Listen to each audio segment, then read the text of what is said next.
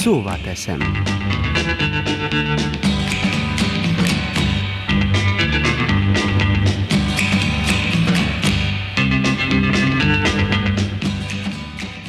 Csak az árstop miatt nem vágod a még jobban a benzinára. Amikor pedig a pénztárcánknak fáj, akkor tényleg el szoktunk gondolkodni, hogy változtassunk-e valamin. Az anyagi megszorítás ugyanis nagyon komoly nevelő hatást tud kiváltani. De mégis mit lehet tenni az áremelkedés, a csak rosszabbodó infláció ellen? Nos, ez a kérdés majd októberben válik újra igazán égetővé a fűtési szezon kezdetén, de bizony számos területen a nyári hónapok alatt is érzékelni fogjuk a hatását. Ilyenre sem emlékszem, igaz, még nem is vagyok elég ideje a földön, hogy valamiből hiány lenne, vagy valami mindennapos árucik az ára miatt egyszer csak elérhetetlenné váljon. Hát még a mai gyerekek mennyire nem ismerik ezt. Felfoghatatlan számukra, amikor azt mondják szüleik, valami nincs, vagy valamit nem engedhetünk meg magunknak magunknak. Az eddigi dőzsölés, fogyasztói életmód, a modern javaktól, élelmiszertől roskadozó polcok kora, mintha megingott volna. Vajon csupán átmeneti jelleggel, vagy pedig tényleg jelzi a bolygó ezáltal is, hogy ez így nem mehet tovább? Hogy egyszerűen túl sok energiát, ételt fogyasztunk el, veszünk ki a közös nagy rendszerből. Persze mindannyian érintettek vagyunk, és nehéz lesz a leszokás, az átállás. De talán még jó is lenne ebben, ha ez az infláció megkövetelné tőlünk az életvitelünk újragondolását. Persze elsőre úgy tűnik, hogy valamit elvesztünk. Csökken a komfortszint és az elégedettség. Na de őszintén, ugyan kit elégített ki vagy tett igazán boldoggá a fogyasztás, a habzsolás? Ugye, hogy mindig csak újabb gondokat szült, amikor valamit birtokolni kezdtünk, vagy túlzásba vittünk? Azok lehetnek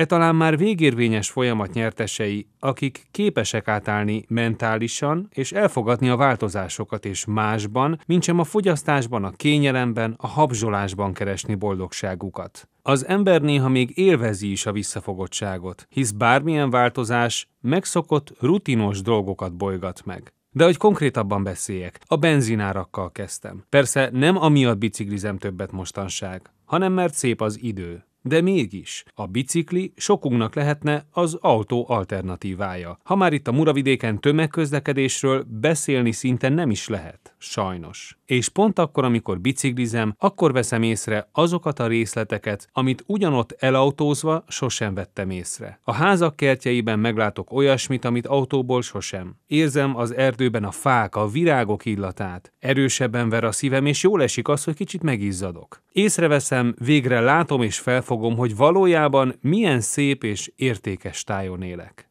Ha ilyen lesz a leszokás egy napon az eddigi komfortos, habzsoló életünkről, és a helyette megtalálunk valami elfeledettet, valami újat, valami szépet, akkor talán nem is lesz olyan rossz az nekünk.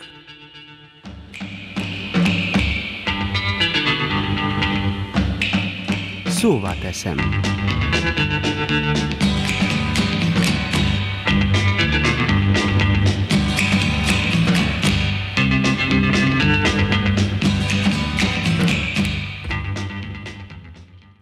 Az elhangzottak a szerző véleményét tükrözik, és nem minden esetben egyeznek a szerkesztőség álláspontjával.